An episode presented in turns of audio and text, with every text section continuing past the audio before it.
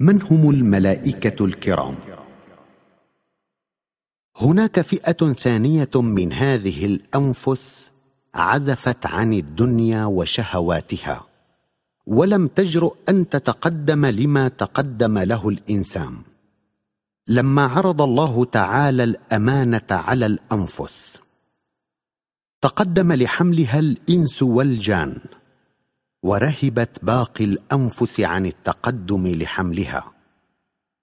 وهناك فئة من هذه الأنفس عزفت عن الدنيا وشهواتها ولم تجرؤ أن تتقدم لما تقدم له الإنسان فلم تطلب لنفسها إرادة ولا اختيارا بل ملكت إرادتها لخالقها وبذلك سميت ملائكة.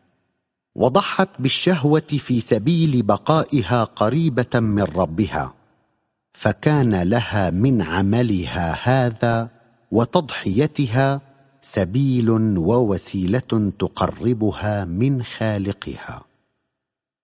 وإن كان الإنسان الصادق بمجابهة شهوته وتوجيهها وفق إرادة خالقه وقيامه بالأعمال بناء على اختياره أعلى من هذه الفئة منزلة وأكثر منها في هذا المضمار سبقا.